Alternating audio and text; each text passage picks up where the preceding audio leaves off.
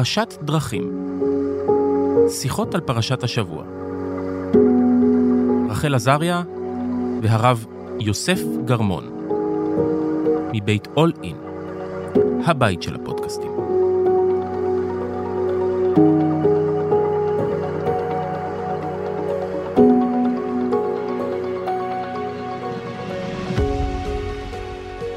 שלום, וברוכים הבאים לפודקאסט פרשת דרכים, אני רחל עזריה, והרב יוסף גרמון, שמרביץ הסברה בדרום אמריקה. אה, שלום הרב גרמון. שלום וברכה.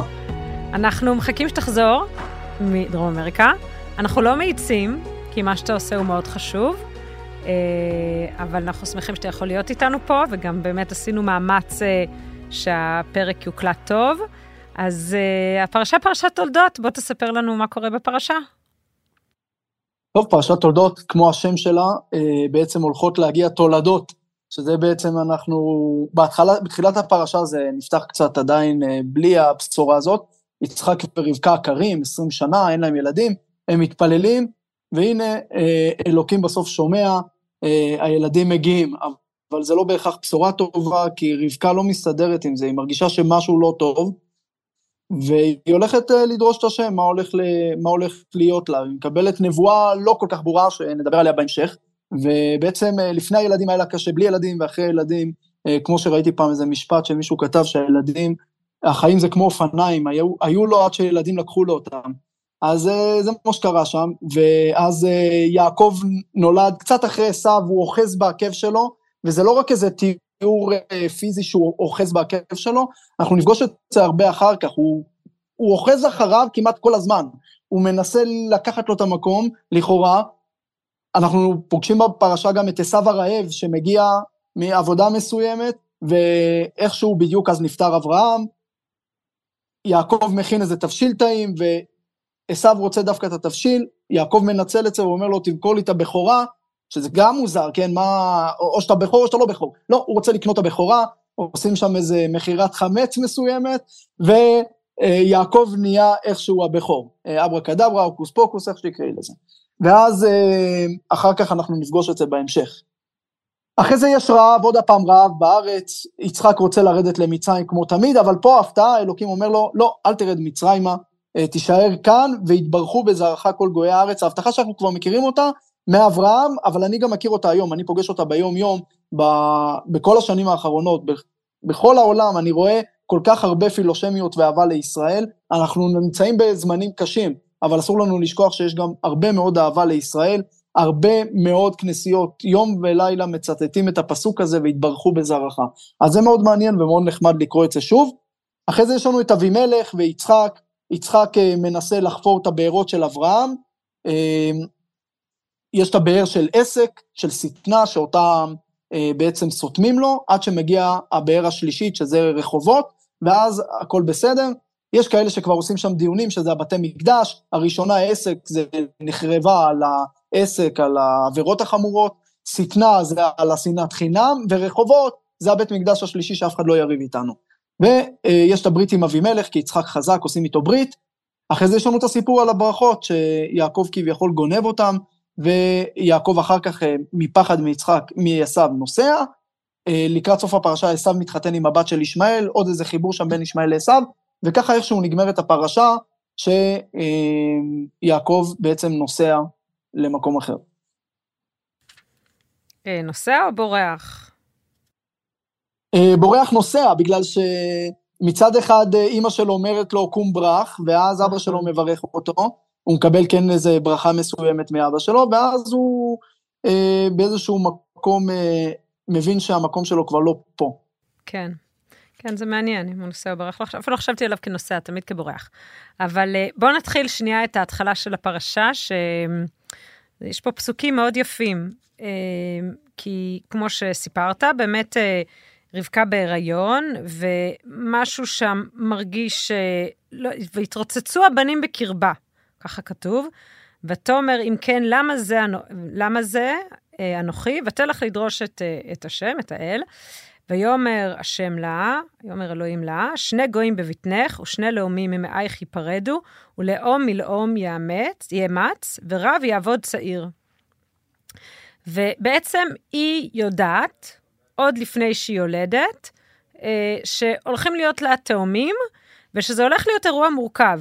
עכשיו, אני, אני שנייה רוצה לומר על זה משהו, שזה מעניין בעיניי. כי לכאורה, אה, מכל האבות, אברהם, יצחק, יעקב, אה, הזוגיות היחידה שהיא מונוגמית, זו הזוגיות של יצחק ורבקה. ולא רק זה, אלא גם כתוב שהוא אוהב את רבקה.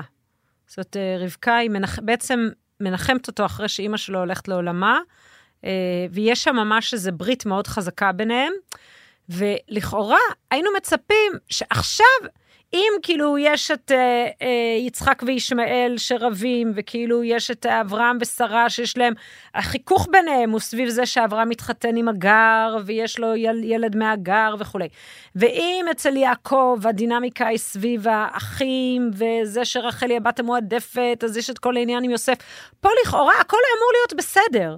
משפחה, כאילו, אין עוד אישה, אין עוד עניינים, אין בלאגן, זה... ואיכשהו, גם פה זה לא מצליח. אה, וגם פה יש את המתח הקבוע הזה. אה, ו, וגם הסיפור הזה באמת של הלידה, מה שאתה מספר, שויצא הראשון אדמוני כולו כעדרת שיער, וקראו שמו עשיו, ואחרי כן יצא אחיו וידו אוחזת בעקב עשיו. זה כל כך יפה בעיניי. הסיפור הזה שהוא בעצם עוד לפני הלידה, כאילו כבר בלידה, או בעצם עוד לפני הלידה, הם מתרוצצים בקרבה. זאת אומרת, זה זה כאילו מובן מאליו שהולך להיות פה מתח. אה, אז אפילו, אני אפילו אגיד על זה שהרבה פעמים אנחנו מאשימים את ההורים, כשהאחים לא מסתדרים, או אה, כאילו איזה מין, זה מין אה, מישהו עשה משהו לא בסדר. אבל בעצם הסיפור הזה מתאר שזה בכלל לא קשור. ההורים בזוגיות של אהבה, אה, אה, זה לא מה ההורים עשו, הם לא העדיפו ילד אחד, זה פשוט עוד לפני שהם נולדו, כבר התחיל הבלגן, ואני אפילו אגיד יותר מזה, יש פה את הסוג של נבואה, שהם יהיו שני לאומים והם יתפרדו, אה, ודיברנו על זה אצל, אצל אברהם, שברגע שיש את ברית בין הבתרים, והוא יודע שהילדים שלו הולכים לסבול, שהצאצאים שלו, לא רק הילדים, הנכדים, הולכים לסבול 400 שנה במצרים, כמה זה קשה לדעת שמשהו רע הולך לקרות. וגם פה, אני חושבת, איך את מגדלת ילדים כשאת יודעת שהם יהפכו להיות שני לאומים, והם בעצם הולכים לריב בינם לבין עצמם כל הזמן. זאת אומרת, זה מין אה, אה, ידיעה מאוד, אה, היא מאוד מאתגרת, ואני חושבת שגם בהמשך, כשאנחנו יודעים שרבקה עזרה ליעקב לגנוב את הבכורה, אני חושבת על זה כאילו בהקשר של הניסיון להתמודד עם הידיעה. זה שהיא יודעת שזה מה שהולך לקרות, זה חלק מהעניין שהיא בעצם כאילו מנסה להתמודד עם זה. אמ, העניין של אה, מקום במשפחה והעקב, שהוא מחזיק בעקב, אה, זה מעניין, יש את התיאוריה האדלריאנית שאומרת שהמיקום במשפחה מאוד משפיע על התכונות. ועל ההתנהגות של, ה... של הילדים. וזה זה כאילו, כשלומדים את זה, אז למדתי תואר ראשון פסיכולוגיה, אז תמיד כשלומדים את זה, יש בזה משהו שהוא כאילו לא לגמרי, לא לגמרי ברור, וכולם הולכים ואומרים, רגע, בוא נראה אם זה באמת ככה במשפחה שלי. אני אגיד שאני משפחה של שישה, אנחנו שישה אחים ואחיות, ותמיד היינו הגדולים, הבינוניים והקטנים, שזה קצת יותר דומה לתיאוריה אדלריאנית, שהיא לא מדברת על שישה אחים, יותר באזור של שלושה. אמ, ואני כאילו בעצם הייתי, אני השנייה, אבל כאילו הייתי הגדולה יחד עם אחי, ואני קוראת את הסיפור הזה, וכל המתח הזה סביב הבכורה, מי מחליט, מי, יש משהו ב... בלהיות הבכור, שאתה כאילו מחליט על שאר האחים. מי מחליט על האחים? לא יודעים את זה עד היום. האם, כמה האח הגדול יש לו אפשרות לקבל החלטות על האחים הקטנים יותר? אמ, ואני חושבת שפה בעצם יעקב, זה סיפור חייו. הוא כאילו פספס בלידה, הוא התכוון להיוולד ראשון, הוא פספס בלידה, הוא ממש ממש ניסה, ומאותו רגע זה רודף אותו. עכשיו, יש עוד מחקרים מעניינים שאומרים שהשאלה הראשונה ששואלים תאומים, זה מי נולד ראשון. שזה נורא נורא מוזר שזו שאלה שתמיד שואלים תאומים, כי כאילו, מה זה משנה מי נולד ראשון? חמש דקות, עשר דקות, מה זה, מה זה רלוונטי? אבל כנראה שזה כן רלוונטי, זה קצת מה שהפרשה אומרת. אמ, עוד משהו בהקשר הזה של לגדל ילדים ולדעת שזה שני תאומים ושני לאומים וכולי. אמ, כשאני קוראת את הפרשה הזו, אני חושבת הרבה על השיר uh, Imagine, uh, של ג'ון לנון, שהרי אני חושבת שלא רק השיר, בכלל, אנחנו הרבה שואלים את עצמנו, בטח בתקופה כזו, למה יש מלחמות בעולם? למה אנחנו לא יכולים להסתדר אחד עם השני? אה, למה אנחנו חייבים להגיע לקצה? אנחנו, אני חושבת שהדינמיקה שלנו זה שאנחנו מאוד מאוד מאוד רוצים שהדברים יסתדרו, והם לא מסתדרים, וזה קשה. אה, ואני חושבת שהפרשה הזו היא בעצם, היא, אני חושבת שהיא אפילו, היא לא עושה את זה בצורה פטליסטית, אבל בעצם יש פה מין הבנה ש... שגם אם הזוג הוא אוהב ומונוגמי, שזה מאוד חריג לתקופה, ו, וכאילו הכל אמור להסתדר, איכשהו זה לא ממש מסתדר. ואני חושבת שזה, כאילו, הסיפור הגדול זה הלאומים, לא הילדים, אה, מי אכל יותר, מי אכל, או מי קיבל את החוג, או מי קיבל את הצ'ופר, או מה היה, לא יודעת, לא היו חוגים אז, מי אכל יותר, לא יודעת. אני חושבת שהסיפור הוא שבאמת, אנחנו, באמת, יש לנו אה, רצון להיות חלק מעם, ויש בזה משהו שמאוד, אה, הוא לא מאפשר את ה-imagine הזה. ו, ולפעמים זה מוזר לנו. זאת אומרת, מה, למה אנחנו לא פשוט חיים פה peace and harmony, כאילו, מה הסיפור? אה, ובהקשר הזה, אה, אני חושבת שהעניין הפסיכולוגי של סכסוכים הוא, הוא מאוד חשוב, והוא לא מקבל הרבה בולטות ונראות. אה, אני עשיתי את התואר הראשון שלי בפסיכולוגיה, וכשמהר מאוד הבנתי שזה לא בשבילי להיות פסיכולוגית, אני לא מתכוונת לשבת בחדר ולשתוק. לא, אני יודעת למה הלכתי ללמוד פסיכולוגיה, אבל זה לא היה רלוונטי לכלום. אה, והמשכתי לתואר שני ביישוב סכסוכים. אה, באוניברסיטה העברית, זה היה תואר חדש, זה היה בתקופה של הסכמי אוסלו, שכאילו ראו את ישראל כמין מעבדה לפתרון סכסוכים. הכל התפרק עם האינתיפאדה, כמובן, זה היה לא רלוונטי, אבל אבל אלה היו כמה שנים כאלה, ואני התחלתי ללמוד בדיוק בתפר עם האינתיפאדה. ואני באתי עם הרקע הפסיכולוגי שלי, ואני הרגשתי שזה משהו שהוא נורא נורא חסר.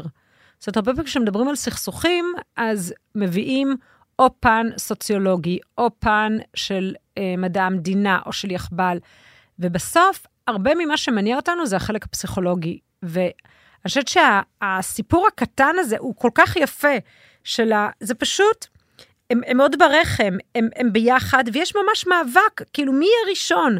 ו, ובסוף הסיפור הזה של הלידה ושל הרחם הוא מעצב את כל החיים של יעקב. הוא בעצם כל הזמן רודף אחרי עשיו, הוא, רוצ, הוא, הוא קונה את הבכורה, ואז הוא גונב את הברכה, והוא כאילו, הוא... ואני חושבת שהעניין הזה של המיקום במשפחה, ובכלל של הזהות, כמה זהות חשובה לאנשים, אנשים רוצים להיות חלק ממשהו. אה, ואני חושבת שזה לא מקבל מספיק מקום כשאנחנו מדברים על יישוב סכסוכים, כשאנחנו חושבים על המרחב הלאומי. אנחנו נותנים המון המון המון מקום לעניין הכלכלי, המון מקום לדברים אחרים, ואנחנו לא נותנים מקום לסיפור הפסיכולוגי. ואני אגיד אפילו יותר מזה, שאנחנו חושבים הרבה פעמים אה, אה, שנג... שאם, נגיד, למה לעשות שלום? כדי שאנשים לא ימותו, בסדר? שזו סיבה מעולה בעיניי. אה, אני חושבת שמה שמגלים הרבה פעמים, ש, שזהות זה יותר חזק כמעט מכל דבר אחר. ולכן, אם לעשות הסכם עם קבוצה אחרת אומר שאתה מוותר על הזהות שלך, אז לא, לא יעשו הסכם, לא ילכו על זה.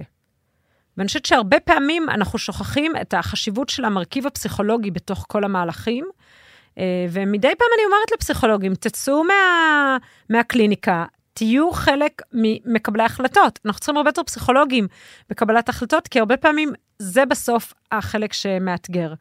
אז, אה, אז אני לא יודעת מה, אני יכולה לנחש מה אדלר היה אומר על, ה, על הצמד הזה של יעקב ועשו, אה, אבל אני כן חושבת שיש פה אמירה מאוד גדולה עבורנו, שבעצם, בעצם הרבה מהסכסוכים הם מגיעים ממקום פסיכולוגי שאנחנו לא נותנים לו מקום, והרבה מהסכסוכים הם פשוט שם, גם אם קשה לנו להכיר בזה.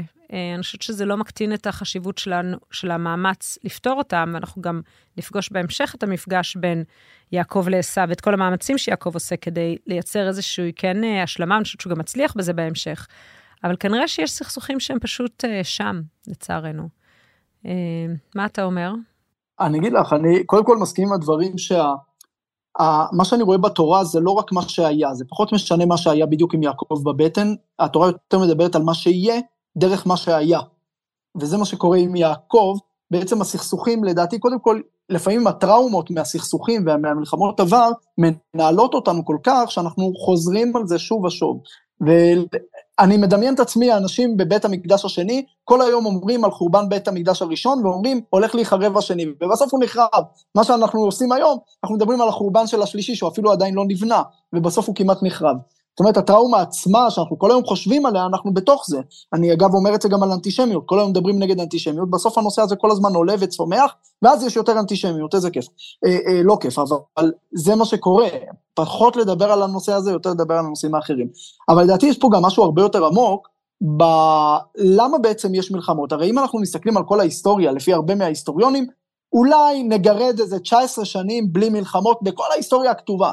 כל הזמן נלחמו מכל מיני סיבות, פעם בגלל דת, פעם בגלל אה, אה, לאומיות, אה, שטחים, לא יודע מה, כל פעם היו מלחמות, ובדרך כלל, מי שמסתכל לעומק, המלחמות היו אפילו בין עמים קרובים, אחים קרובים, אנחנו רואים את זה בפנים, אה, דווקא האחים, אנחנו רואים את זה בבראשית, ראינו את אה, אה, יצחק וישמעאל, יעקב ועשיו, רחל ולאה, יוסף ואחים וכולם, אה, אנחנו רואים את זה גם בדתות, האסלאם, הנצרות והיהדות, שהן הדתות הכי קרובות מבחינה תיאולוגית, הן הדתות שבעצם אה, הכי הרבה שנאה ראינו, והכי הרבה מוות וכל מה שראינו.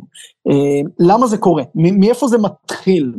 אה, אז כמובן, יש איזו תחושה או איזה צורך ביולוגי שלנו, כבני אדם, שתהיה לנו שייכות. אנחנו צריכים שייכות למשהו.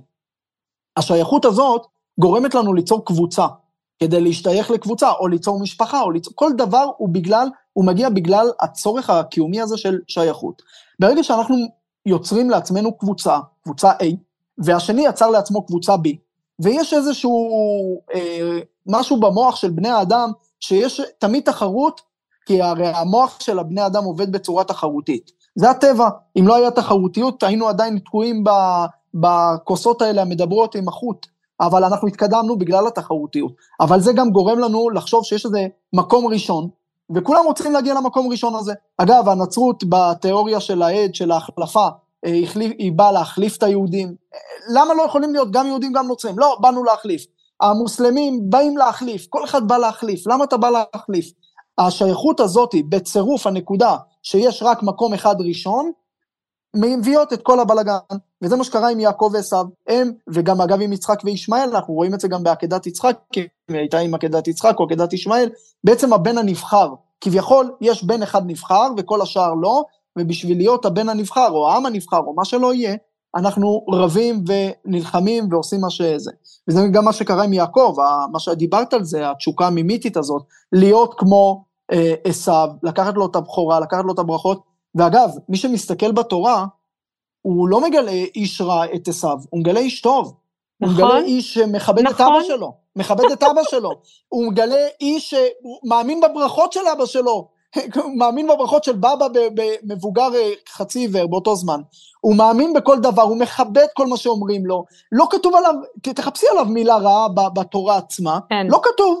לעומת זאת על יעקב, כן כתוב, כתוב שהוא גנב, כתוב שהוא לקח, כתוב שהוא רימה, קחי אפילו את יצחק וישמעאל. תנסי למצוא מילה רעה על ישמעאל, אה, כמובן לא, לא על הנבואה שאמרו שהוא יהיה פרא אדם, אבל על, על החיים שלו עצמו. בן אדם, ילד, זורקים אותו מהבית, מסכן. התורה עושה מאמץ מיוחד להראות לנו כמה הוא מסכן, כמה שלחו אותו לבד, וכמה הוא, הוא, הוא היה בסדר, לעומת אה, יצחק כביכול. ובעצם התורה אומרת לנו, גם עם יוסף והאחים אגב, שהטובים לא כל כך טובים, והרעים גם לא כל כך רעים. זאת אומרת, תנסו, אל תנסו להבין אחד את השני, תנסו להרגיש, כי זה מה שקורה הרי, אה, ישמעאל מתחבר עם עשיו, הרי אמרנו בפרשה הקודמת, שיצחק בא מבו באר לחי רועי, זה היה המקום שישמעאל היה בו. בעצם יצחק הולך להחזיר אותו, אחרי שיצחק מרגיש שאימא שלו נפטרה, הוא מרגיש מה זה לאבד מישהו יקר. אז הוא מרגיש את ישמעאל והוא מחזיר אותו. גם יעקב, ברגע שעושים לו את אותו דבר ומרמים אותו, אז הוא הולך ומחזיר בעצם, אז הוא מבין מה קורה, ואז הוא אומר לעשו, קח נא את ברכתי, אני לא צריך. ואז עשו אומר לו, תבוא איתי. הוא אומר לו, לא, אני אתנהלה לאיתי.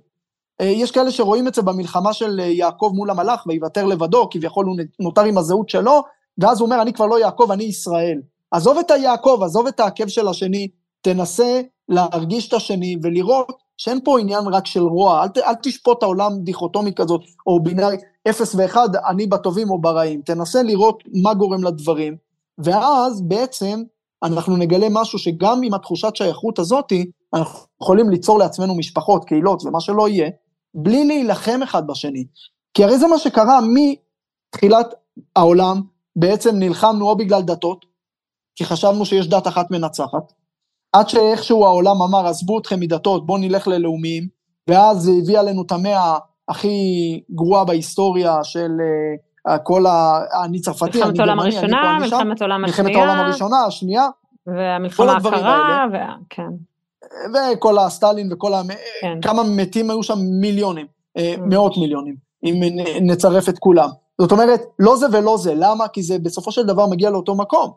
ברגע שאני חושב שיש רק מנצח אחד, אני נלחם. אני, כי אני שייך לקבוצה אחת והוא לקבוצה שנייה. מה שאלוקים עושה בראשית ואחרי זה והכל, יש קבוצה אחת שהוא, כולכם הגעתם ממנה, כולנו הגענו מאותו אדם. ובפנים, כל אחד יכול ליצור לעצמו קבוצות שלא סותרות אחת השנייה.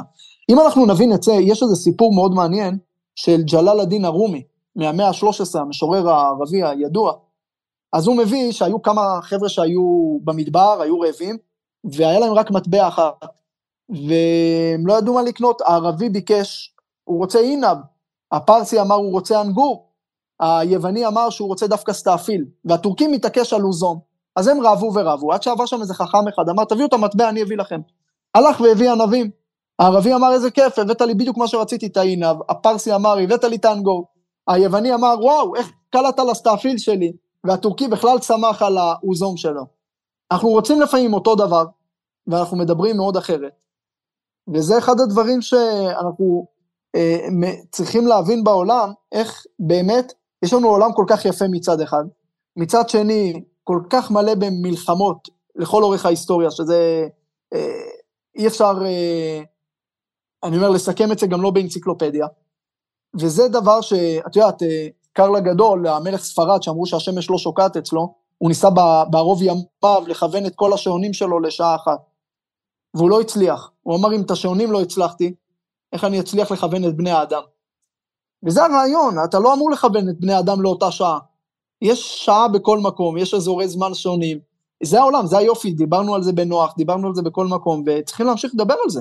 כי זה הנושא שאנחנו חייבים להבין. ברגע שהזהות שלי חזקה, אין לי פחד מדיאלוג.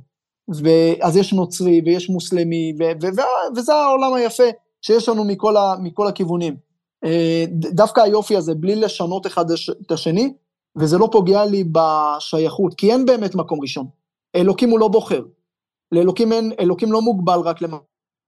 כולם יכולים להיות מקום ראשון. כל אחד במקום שלו, ב- ב- בכיוון שלו, סיפרתי אז באחד הפרשות הקודמות על uh, צלאח א-דין, כל מי שבעצם מביא שלום ומביא את הדברים הטובים, הוא בעצם נמצא במקום הנכון. אבל דווקא במשפחה, יכולים להגיע מלחמות הכי גרועות, וראינו את זה. אגב, המלחמת העולם הראשונה שהזכרת, אה, התחילה בגלל המלך ג'ורג' החמישי מאנגליה, הקיסר וילם מגרמניה, והצאר ניקולה מרוסיה, והם היו שלושתם בני דודים, הנכדים של המלכה ויקטוריה. גם משפחה, כולם משפחה, אבל זה, זה מה שאנחנו רואים, ברגע שאנחנו מנסים אה, אה, רק להבין אה, ולהגיע למקום ראשון, השייכות הזאת תפגע בנו. דווקא אותה תחושה שמביאה את האחווה של האחים, היא זאתי שתשמיד אותם, אם לא נדע להתנהל איתה נכון. דווקא התחושה, שוב? של השייכות, שאנחנו צריכים בעצם ליצור, אה, להשתייך לאיזה משהו, היא גורמת לנו גם לתחרות הזאת, okay. שאם אוקיי. לא נבין שגם השני okay. צריך להשתייך לאיזה מקום, אז אנחנו בעצם אה, נילחם. אתה יודע, זה ודווקא מעניין. ודווקא באחים שלנו, דווקא ב... זה מעניין מה שאתה אומר על, על, על עשיו, ובכלל, אני חושבת על כל המערכת יחסים בין עשיו ויעקב, ובוא נדבר עליה קצת, למרות שחלקה פה, חלקה בפרשה ב"וישלח", אבל אה, אה, הדינמיקה הזו של יעקב ועשיו היא דינמיקה מעניינת. זאת אומרת, הם בתור, בתור נערים הם רבים, ובעצם יעקב רב עם עשיו. הוא כאילו, עשיו הוא הבכור, ויעקב לא, הוא לא מוותר. כאילו, כל הזמן הוא רוצה להיות, הוא רוצה להיות הבכור, הוא רוצה להיות זה. אני גם חושבת על ה... כמעט על החוויה הקיומית שלנו כעם. אמ, אה, אה, מה שאני אומרת הוא לא פוליטיקלי קורקט, אבל אני חושבת הרבה על הדמות של, שוודי אלן יצר בסרטים שלו, כאילו היהודי הזה שהוא הוא כזה לא בטוח בעצמו, הוא מסתבך עם עצמו, הוא קצת, מה המילה המדויקת? הוא כזה, לא, אפילו יותר מחנון, הוא כזה קצת, משהו שם לא מדויק, משהו לא עובד. אמ, ובכלל, כאילו היהודי הוא תמיד, תמיד יש לו איזה מין אתגר כזה, אז נכון שהישראלי הוא דמות אחרת, וכאילו פשטנו מעלינו את היהודי הגלותי, אבל uh, יש משהו בדמות הזאתי, שאני מרגישה שמאוד מתחברת ליעקב. כאילו, הוא, הוא רוצה משהו שזה לא בדיוק הוא, הוא לא, כאילו עשו הוא מין, עשו כאילו מסתדר, עשו סבבה, הכל בסדר, הוא לא רב על שום דבר. ויעקב יש לו שם איזה משהו כל הזמן, וזה כמו צ'יפ on the shoulder, כאילו הוא לא מאמין שהוא לא נולד ראשון, וכל החיים שלו מתעסק בזה, ואז הוא, הוא, לא, הוא קונה את, הברח, את, ה, את הבכורה, גונב את הברכה, ואז הוא בורח. אני חושבת שכל הזמן שהוא לא נמצא, הוא כל הזמן אה, אה, יודע שיום אחד הוא יפגע, יפגוש את, ה, את האח הזה, שהוא נורא מפחד ממנו. שיודע שהוא עשה דברים שהוא לא אמור לעשות, והוא גנב את הזה, והוא ברח, והוא כאילו מסתובב, ואני רואה איך הוא כאילו, הפחד סביב המפגש עם עשיו הולך וצובר תאוצה. ובאמת, אה, כשהוא בא לפגוש את עשיו, אז הוא, הוא אומר, אה, אה, אה, בעצם הוא עושה שלושה דברים. הוא גם מתכונן למלחמה, הוא גם מכין מתנה גדולה, והוא גם מתפלל. ואלה, כאילו, ככה הוא מתמודד, הוא אומר, אוקיי, מה אני אעשה? אני לא יודע מה יהיה בדינמיקה בינינו, והוא מתכונן עם שלושתם. ואני חושבת הרבה, אני בדיוק קראתי איזה מאמר שמדבר על המרכז הפוליטי בישראל, והטענה היא שהמרכז הפוליטי בישראל הוא בעצם יכול להיות מחונן, כי הוא מתעלם מהסכסוכים ומכל הנושא ביטחון. הוא כאילו מתעסק רק בנושאים הפנימיים. עכשיו, קודם כל, אני אשת מרכז וזה, אני מה זה לא מזדהה עם זה, אבל בסדר. ואני חושבת שהסיפור של מרכז פוליטי בישראל, זה בעצם הסיפור של יעקב. הדרך שבה יעקב מתמודד עם עשיו. תכף נדבר על מה קורה בסוף, בדינמיקה ביניהם, אבל הוא נורא נורא נורא מפחד מהמפגש, הוא מפחד שזה ממש יהיה מרחץ דמים. גם יש לו הרבה ילדים קטנים, הוא כל הזמן אומר, הילדים, הילדים, הילדים, נדבר על זה גם בפרשה כשנגיע לשם. כל הזמן נורא נורא מפחד, ועדיין, כשהוא בא למפגש, הוא כאילו, הוא, הוא אומר, אוקיי, אני אעשה של, שלושה דברים שונים, אני אבוא מוכן בכל מיני אופנים. ואני חושבת שזה מרכז פוליטי. אתה אומר לעצמך, בוא נראה מה, מה, מה אפשר לעשות. אני חושבת שהימין בישראל מלמד אותנו שאם רק רק נהיה קשוחים וחד משמעיים, ולא נתבלבל, ו- ונילחם עד הסוף, תמיד, במאה אחוז, אז הכל יהיה בסדר. השמאל בישראל אומר לנו, אם רק נהיה נחמדים, ואם רק נראה את הצד השני, ואם רק ניתן מקום לצד השני, הכל יהיה בסדר. ואני חושבת שהמרכז בישראל, ככה אני מאמינה, לפחות ככה אני גם התנהלתי ב, ב, גם בעיריית ירושלים, כשהייתה אה, תקופות של הפיגועים, ו, וגם בוועדת חוץ וביטחון זה קול שתמיד אה, אה, התאמצתי להביא. אני חושבת שאנחנו כאילו צריכים ללמוד מיעקב את ה... להחזיק כמה אופציות. אתה גם צריך להיות קשוח, ואתה גם צריך להיות נחמד. אתה צריך לדעת מתי אתה צריך לשלוף את, ה, את הכוח, ומתי אתה צריך לבוא ולהיות בדיאלוג ולחפש את הפתרונות. וכאילו, אני כאילו קוראת את יעקב, ואני אומרת, הוא הבין את זה, אני חושבת שהחוויה שלו, שדווקא הדברים לא הסתדרו לו כמו שהוא רצה, ו- ו- ו- ושהוא כל הזמן מרגיש שלא ברור המקום שלו בעולם, אני חושבת שזה דרש ממנו להיות יצירתי ולחפש את הפתרונות. ויורץ עשיו לקראתו, ויחבקהו, ויפול על צווארו, וישקהו, ויבכו. זה כאילו, האחים נפגשים, חיבוק גדול, שמחה גדולה. עכשיו, ואז הוא נושא את עיניו, עשיו, וירא את הנשים ואת הילדים, והוא אמר, מי אלה לך? ואני שומעת בזה אח גדול, מסתכל על האח הקטן ואומר, פה, אחי, בואנה, מה זה? כל זה אתה? בחיים לא הייתי מדמיין עליך. אתה זה שברחת מפה בלי כלום וחזרת. ואני שומעת אצל עשיו משהו מאוד כזה... עכשיו, אני יודעת שחז"ל במדרש אומרים וישקעו, ויש כאילו את הדגשים מלמעלה, וזה כאילו אומר שהוא ניסה ל- ל- ל- לדקור אותו בזמן החיבוק, בזמן השיקה. כשאני קוראת את זה בצורה נקייה, יש פה דינמיקה יפה של אחים, ויעקב מאוד מפחד, ובסוף עשיו בכלל מתגלה כמשהו אחר, שזה מתחבר למה, ש... למה שאמרת, ואני חושבת שהעניין הזה של איך אתה מתמודד עם זה שיש מישהו שאתה יודע שאתה לא תסתדר איתו, או שאתה חושש שאתה לא תסתדר איתו. ובעצם הפתרון הוא להחזיק את שלושתם. וכל הזמן אני מרגישה בתקופה הזו שהכל, שאנחנו כל כך קיווינו שהסכסוך, אפשר לשים אותו במקום אחר, וקיבלנו כזו בומבה לפרצוף. אני, אני כאילו מרגישה שיעקב יש לו איזו בשורה בשבילנו. אמ, והפרשות עכשיו מאפשרות לנו את, ה, את הדיאלוג הזה. אני אעצור פה, אני חושבת שקצת הגזמתי, אז בבקשה תורך. לא, לא, לא, לא, אה, בסדר גמור. אני, אני פשוט אמרת את הדברים וחשבתי על התזה, האנטי-תזה והסינתזה של עגל אה, ביחס לאברהם, יצחק ויעקב. אה, אברהם הוא תמיד נותן, הוא תמיד, האוהל שלו פתוח לכל הכיוונים, וזה מה שהוא עושה עם הבארות, עם האנטישמיות של, שהוא מתמודד איתה כביכול באותו זמן, וכל מה שקורה. זה הדרך שלו, של אברהם, לתת, לתת, לתת, להיות נחמד. כביכול השמאלני הראשון, תקראי לו. אה, יצחק הוא מתכנס בפני, ב, ב, בתוך עצמו, הוא פרופיל נמוך, הוא לא שומעים עליו כמעט, לא יודעים עליו הרבה, הרי אין הרבה סיפורים עליו, אנחנו כמעט לא יודעים מה הוא רוצה, מה הוא מרגיש, מה... הוא, לקחו לו את הבאר, הוא הולך, הוא מנסה לברוח, בלי מלחמה, בלי כלום. יעקב רואה את זה ועושה איזה סינתזה, וזה מה שיעקב מחפש כל הזמן. יעקב מחפש, מצד אחד הוא זוכר את הסבא שלו, מצד שני הוא ראה את אבא שלו, והוא לא יודע איך להתמודד, אז הוא גם נותן, כמו אברהם, גם אה, פרופיל נמוך, לפעמים הוא מנסה ללכת, לברוח, לעזוב, אבל יש את הרגע של החיכוך, ואז הוא אומר, רגע, מה פה אני עושה? ופה מגיע הרגע שהוא בעצם יורד לסינתזה, שבעצם הוא מחבר את שני הדרכים, וגם הוא מגיע עם עוצמה. זאת אומרת, יש לי גם יכולת להילחם. אני גם נותן, אני גם שותק, אבל מתי שצריך להילחם, אני גם, תדעו, אני גם יודע להילחם. זאת אומרת, יש לו את כל הצדדים והוא מראה את זה. כן, אני לא בטוחה שזה הסינתזה, אני, אני חושבת שפשוט יעקב הוא...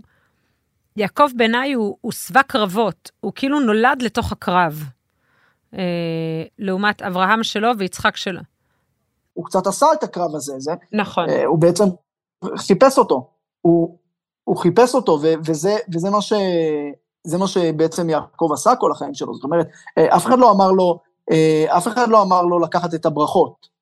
אה, אף אחד לא אמר לו לאחוז בעקבי עשיו, אבל הוא חיפש את זה, אף אחד לא אמר לו לשלם על הבכורה, לקחת הבכורה. כן. אבל הוא שילב גם בסופו של דבר בין הדרכים. אגב, בקבלה רואים את זה בספירות, במתמטיקה אפשר לראות את זה סתם בשדה המכפלה, איפה שהם קרובים, אה, קבורים, אז שדה, יש כאלה שמי שאוהב מספרים, אולי אחד מהשומעים יאהב מספרים, אז השדה זה ש"ד ה' זה 3, 4, 5, וזה הפיתגורה הראשונה, 3 בריבוע פלוס 4 בריבוע שווה 5 בריבוע, ואיכשהו אברהם, יצחק ויעקב, אברהם פלוס יצחק שווה יעקב. זאת אומרת, יעקב הוא התפארת, הוא לוקח את הדרכים גם של אברהם, גם של יצחק. שין, אה, כאילו 300, הבנתי, הבנתי. כן, כן, רק למי שאוהב מספרים אמרתי את זה מהר, כי אני גם לא אוהב כל כך את המספרים האלה, אבל לכן אמרתי את זה קצת מהר, בסדר, אבל איכשהו, אה, אה, בסדר, בכל מקרה הם כבר נקברו, אז ככה שאין עם זה בעיה, אבל אה, יש כאן את ה... יעקב מחפש דרך חדשה, שהיא לא אברהם, היא לא יצחק, כי הוא ראה שזה לא עבד לגמרי לאברהם, לא עבד לגמרי ליצחק, הוא מחפש משהו חדש, החיפוש הזה קשה מצד אחד, מצד שני הוא גם הוליד את עם ישראל, ועם ישראל קוראים לו ישראל, לא על היעקב, לא על זה שאנחנו תמיד נחפש את האחר, לא על התשוקה המימיתית הזאת שתמיד להיות מישהו אחר, תמיד להיות העם האחר, אלא ל, ל, לנסות לעשות את הזהות שלנו. כן, אגב, אה, בהתחלה, למשל בפרה אדומה, מי שמסתכל שם במפרשים, אז כביכול משה רבנו אומר לעם ישראל שיצחקו עליהם, אומות העולם מלגלגים על עם ישראל שיש להם חוקים מוזרים. ואילו בנאום האחרון של משה, שהוא נכנס לארץ, הוא אומר, וכולם ישמעו ויגידו רק עם חכם ונבון הגוי הגדול הזה, כי מי לא חוקים ומשפטים? כולם יעריכו אתכם. רגע, אבל אמרת שילגלגו עלינו. התשובה היא מאוד פשוטה, ואני רואה את זה.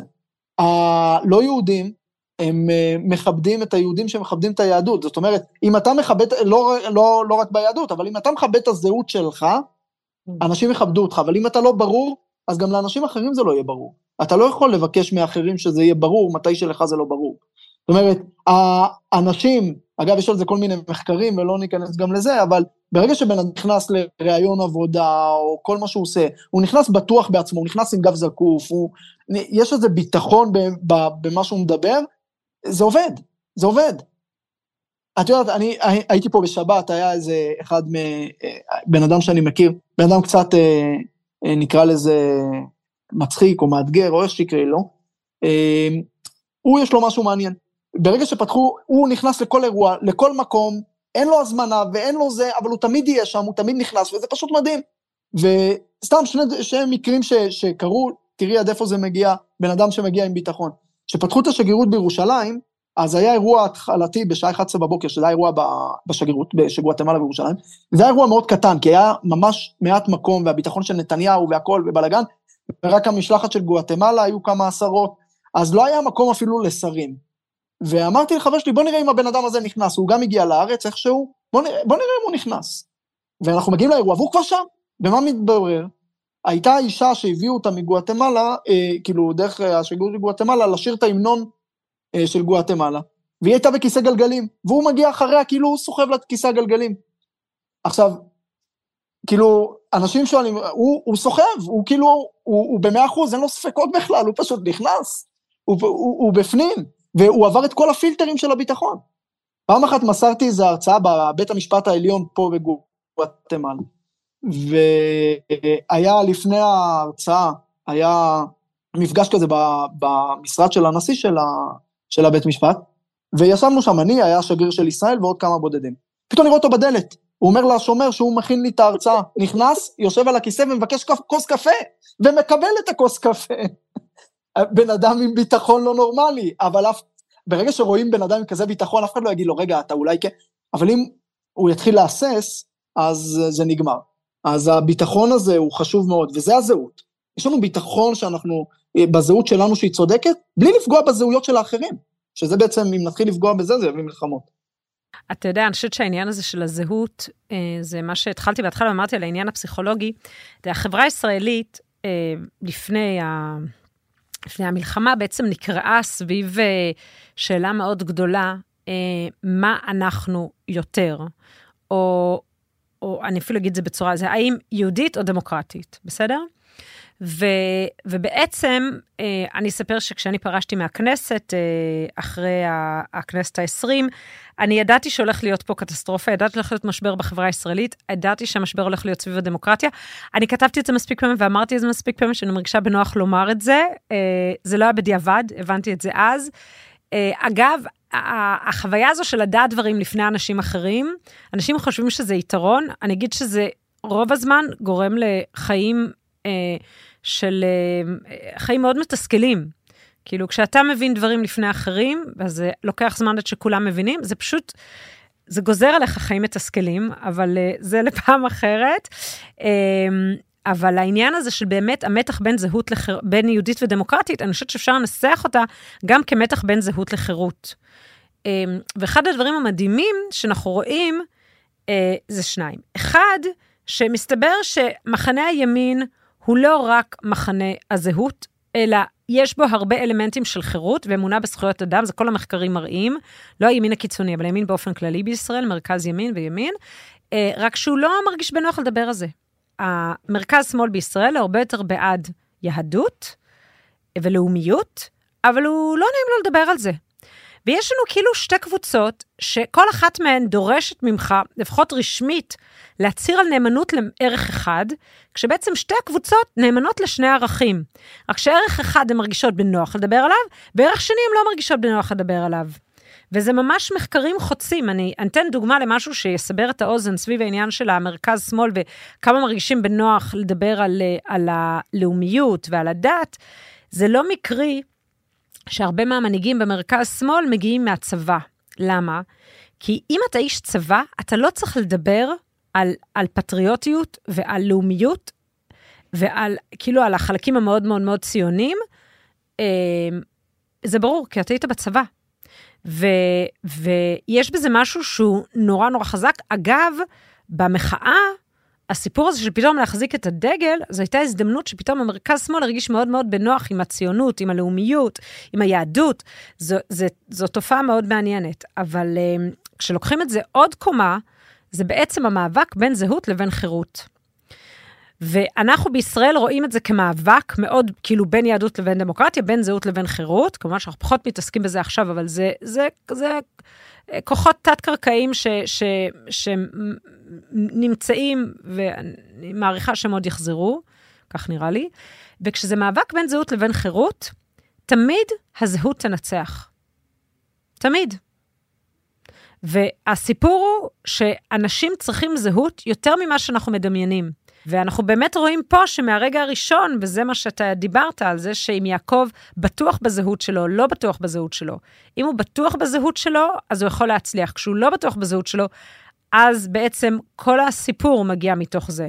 אני רוצה להוסיף עוד משהו, אה, בשבילי הוא מאוד חזק, אבל לא תמיד יסכימו איתי. הזהות היא לא חייבת להיות מוגבלת ומצומצמת. זאת אומרת, הזהות יכולה להיות מחולקת לשניים. יש את הזהות הכללית שלי שאני אה, אדם, אדם, פשוט אדם. ויש את הזהות שלי בתור יהודי. זאת אומרת, יש פה שני דברים שהם לא חייבים לסתור. אחד את השני. זאת אומרת, אני יכול לעבוד עם נוצרים ועם מוסלמים ועם אתאיסטים ועם כל מה שלא יהיה בעשייה הומניטרית בעולם, או כל מה שלא יהיה, ו- ו- וזה בגלל הזהות שלי גם, כי הזהות שלי גם אדם, היא אדם, וכאדם, אה, רעב של ילד באפריקה או בפפואה גינאה או בנפאל, זה אותו רעב, זה אותו צורך. אין פה, אין פה משהו דתי בכלל בצרכים האלה. אה, הצרכים שלי שווים לצורך של הבישוף ברומא, או של אחרון הכפריים באל סלבדור. אה, אז הזהות הזו היא גם זהות. אנשים חושבים שהזהות חייבת להיות מצומצמת יהודי אשכנזי אה, לטאי אה, וולוז'ין, או לא יודע מה. לא חייבים, הזהות היא לא חוד קוד קוד שחייבים להגיע אליו. זאת אומרת, הזהות יכולה להיות מאוד רחבה ומחולקת עם חדרים גם. יש לי את הזהות של האדם, ויש לי את הזהות הפרטית, ואני תמיד מדבר על זה, כשבנינו את הכפר של ירושלים בגואטמלה, למשל, הנפגעים של געש, או ירושלים של זהב, שזה היה להורקנים. אמרו לי, למה ירושלים? אמרתי להם, לא, לא קשור לדת. כי אנחנו מאמינים לפי המסורת שבירושלים נברא האדם הראשון. שם התחילה האנושות. איכשהו יש כאן משהו שהוא קשור לכולנו. והדבר הזה הוא גם מרכיב מאוד מאוד מהותי בזהות. ברגע שהזהות שלי תהיה מחולקת לשניים, אנחנו נוכל לחיות בשלום פה בין בני אדם. לדעתי, אה, כמובן זה נשמע פתרון מאוד מאוד אה, אה, פשוט לבעיה כל כך מסובכת, אבל התקדמות לפחות, התקדמות, לנסות להרחיב את הזהות שלנו, אה, ולא לצמצם אותה. לדעתי זה, זה ייתן הרבה אה, בסינתזה הזו שהם מדברים עליה, אז יעקב הוא גם אברהם וגם יצחק, הוא לא רק משהו, הוא כולל את הכל. הוא מנסה גם להיות עשיו, כן? הוא מנסה לקחת עוד, עוד, עוד דברים, אבל אה, הוא גם מגיע לשלום עם עשיו. כן, אני, אני חושבת שהחלק הזה שאתה מדבר על, ה, על היכולת להיות בזהות שלך ולתת מקום לעוד זהויות, אה, אני הרבה פעמים חושבת על זה כעל לאפשר, לך יש חלום, אבל תוך כדי שאתה חולם אתה יודע שיש לעוד אנשים חלומות. זאת אומרת, אה, וואו, זה לא קרה. ליוסף אגב. אוקיי. סליחה שקטעתי אותך, אבל אתם לא, לא. אומרים שיוסף הגיע, הגיע להיות אה, משנה למלך בגלל החלום שלו, זה לא נכון. הוא הגיע להיות משנה למלך כי הוא שמע את החלומות של האחרים, של השרים. נכון. יפה. טוב, נדבר על זה כשנגיע לשם. כן. לא, לא, זה יפה, אני חושבת שהעניין הזה של ה... של ה... של ה... שאתה מחזיק את החלום שלך, ואתה יודע לפנות מקום לחלומות של אחרים, ולא לחשוב שאם לך יש חלום, זה החלום הבלעדי, אני חושבת שזה הרבה מזה. אמ, ואפילו, כאילו, אנחנו חושבים אפילו על, על, על כמעט על כל דבר, על ה, בטח במציאות ה, במזרח התיכון, לדעת שיש לכל מיני קבוצות חלומות שונים, וצריך לדעת איך אנחנו יכולים uh, לדמיין את הדברים. זה מרגיש מאוד מאוד מאוד רחוק בימים האלה, אבל אני חושבת שזה חלק מהעניין, לדעת איך אנחנו יכולים לדמיין דברים אחרת. Um, uh, אז uh, טוב, נראה לי שאנחנו נתחיל לסכם. ואני אגיד שאני לוקחת מכל הדיאלוג בינינו, שאני מרגישה שקצת ככה גלשנו לפרשות אחרות. מצד אחד הפרשות מאוד מאוד עמוסות, מצד שני זה כאילו התחלה של סיפור של עשו ויעקב שממשיך אחר כך, אז אנחנו ככה גלשנו עוד שתי פרשות קדימה, אבל זה בסדר. אמ, אז בעצם יש פה כמה דברים. אחד, על המקום במשפחה, ומה המשמעות של המקום שלנו במשפחה, ומה המשמעות של... אה, שגם גם אם אנחנו נולדים כאילו למשפחה טובה או, או מונוגמית מסודרת עם אהבה והכל אמור להיות בסדר, אה, זה לא תמיד תלוי בהורים, והרבה פעמים יש מאבקים בין אחים, וזה פשוט חלק מהמציאות. אה, גם, המאבקים שבעצם נולדנו איתם, גם אה, על זהות וכמה זהות חשובה לנו, וגם לנסות לחשוב אחרת על המקום שאנחנו נותנים לזהות שלנו בתוך מרחב של מצד אחד להחזיק מאוד מאוד חזק את הזהות שלנו, זו הזהות שלנו, זה מי שאנחנו, אנחנו לא יכולים לוותר על הזהות שלנו, בכלום. ואנחנו יכולים במקביל לדמיין גם מקום לזהויות של אחרים, אבל לא על ידי ביטול על זהות שלנו, אלא על ידי הרחבה. אה, מה אתה אומר? כן, מה שאמרת, שאם ננסה לבטל את הזהות גם של האחרים, אנחנו ניכשל, זה קרה אגב בסין, עם אה, צין שואנגדו, אה, לפני איזה 2,200 שנה, הוא שרף את כל ספרי ההיסטוריה, הוא אמר משהו חדש מתחיל ואסור לדעת כלום, ואחר כך שהוא מת, סין הפכה למקום הראשון שרק לפי הידע שלה, במשך כ-500 שנה, עלו ועלו בפוליטיקה לפי ידע של כל הכתבים העתיקים, זה בדיוק גרם הפוך. זאת אומרת, אל תנסה לבטל את הזהות ולהתחיל משהו חדש, תנסה להיות עם הזהות.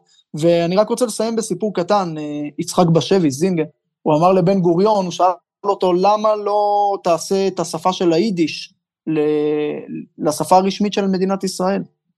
אז הוא אמר לו, תראה, יידיש שפה יפה, מהמלושן והכל, אבל זה לא שפה למדינה, אי אפשר לנהל מדינה עם יידיש, אין? במלחמה למשל, תגיד, אה, המפקד צריך להגיד לחיילים אש, ביידיש הוא צריך להסביר להם מה זה בכלל רובה ולהתחיל את הכל מההתחלה. זה לא עובד, אי אפשר לנהל מלחמות ככה.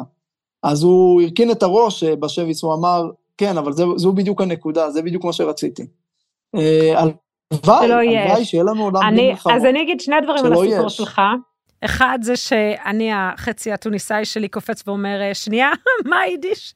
וגם החצי היקי שלי, כן? היקים גם, מבחינתם יידיש זה, זה מין גרמנית שבורה. אה, זה, יש לי משני הצדדים, אני מסתכלת על היידיש ואומרת, אוקיי, מעניין, אה, למרות שהבת שלומדת יידיש, סיפור ארוך איך זה יתגלגל. אה, כן, והדבר השני שהוא מעניין בעיניי, זה שבן גוריון ניהל שיחות עם בשביס זינגר. כאילו, אני הייתי שמחה אם היה לנו הרבה יותר, זה הרגשתי גם כשהייתי בכנסת, שאין לנו, אין לנו מקום לדיאלוג אה, תרבותי בפוליטיקה הישראלית, דיאלוג עם עולם התרבות, דיאלוג עם עולם המחשבה. אגב, כשפרשתי מהכנסת, אחד הדברים שניסיתי לעשות זה לייצר מקום שבו אפשר יהיה לייצר דיאלוג כזה בין עולם התרבות והמחשבה אה, לבין פוליטיקאים. אני חושבת שזה יכול להיות מדהים, אבל אה, בינתיים זה עוד לא קרה. אה, אבל סיפור יפה לסיום. אז אה, אני מקווה ש... שנהנתם. אה, עד כאן אה, פרשת דרכים לפרשת תולדות. אה, תעקבו אחרינו, יש לנו קבוצת פייסבוק, תעקבו אחרי הפודקאסט, אתם מוזמנים להקשיב לפרקים קודמים, תעשו לייק ותצטרפו אלינו. יש לנו עוד המון המון פרשות עם המון המון מחשבות, ותודה לך לרב יוסף גרמון, ושיבואו ימים שקטים, אנחנו מקווים, אם, אולי אפילו אם קשה לנו לחשוב על imagine, אולי יום אחד יהיה אפשר, וואי, כמה זה היה מנותק מהמציאות. אבל לפעמים צריך קצת להתנתק מהמציאות, בטח כש... בטח בפודקאסט כזה. אז uh, תודה רבה. תודה, תודה.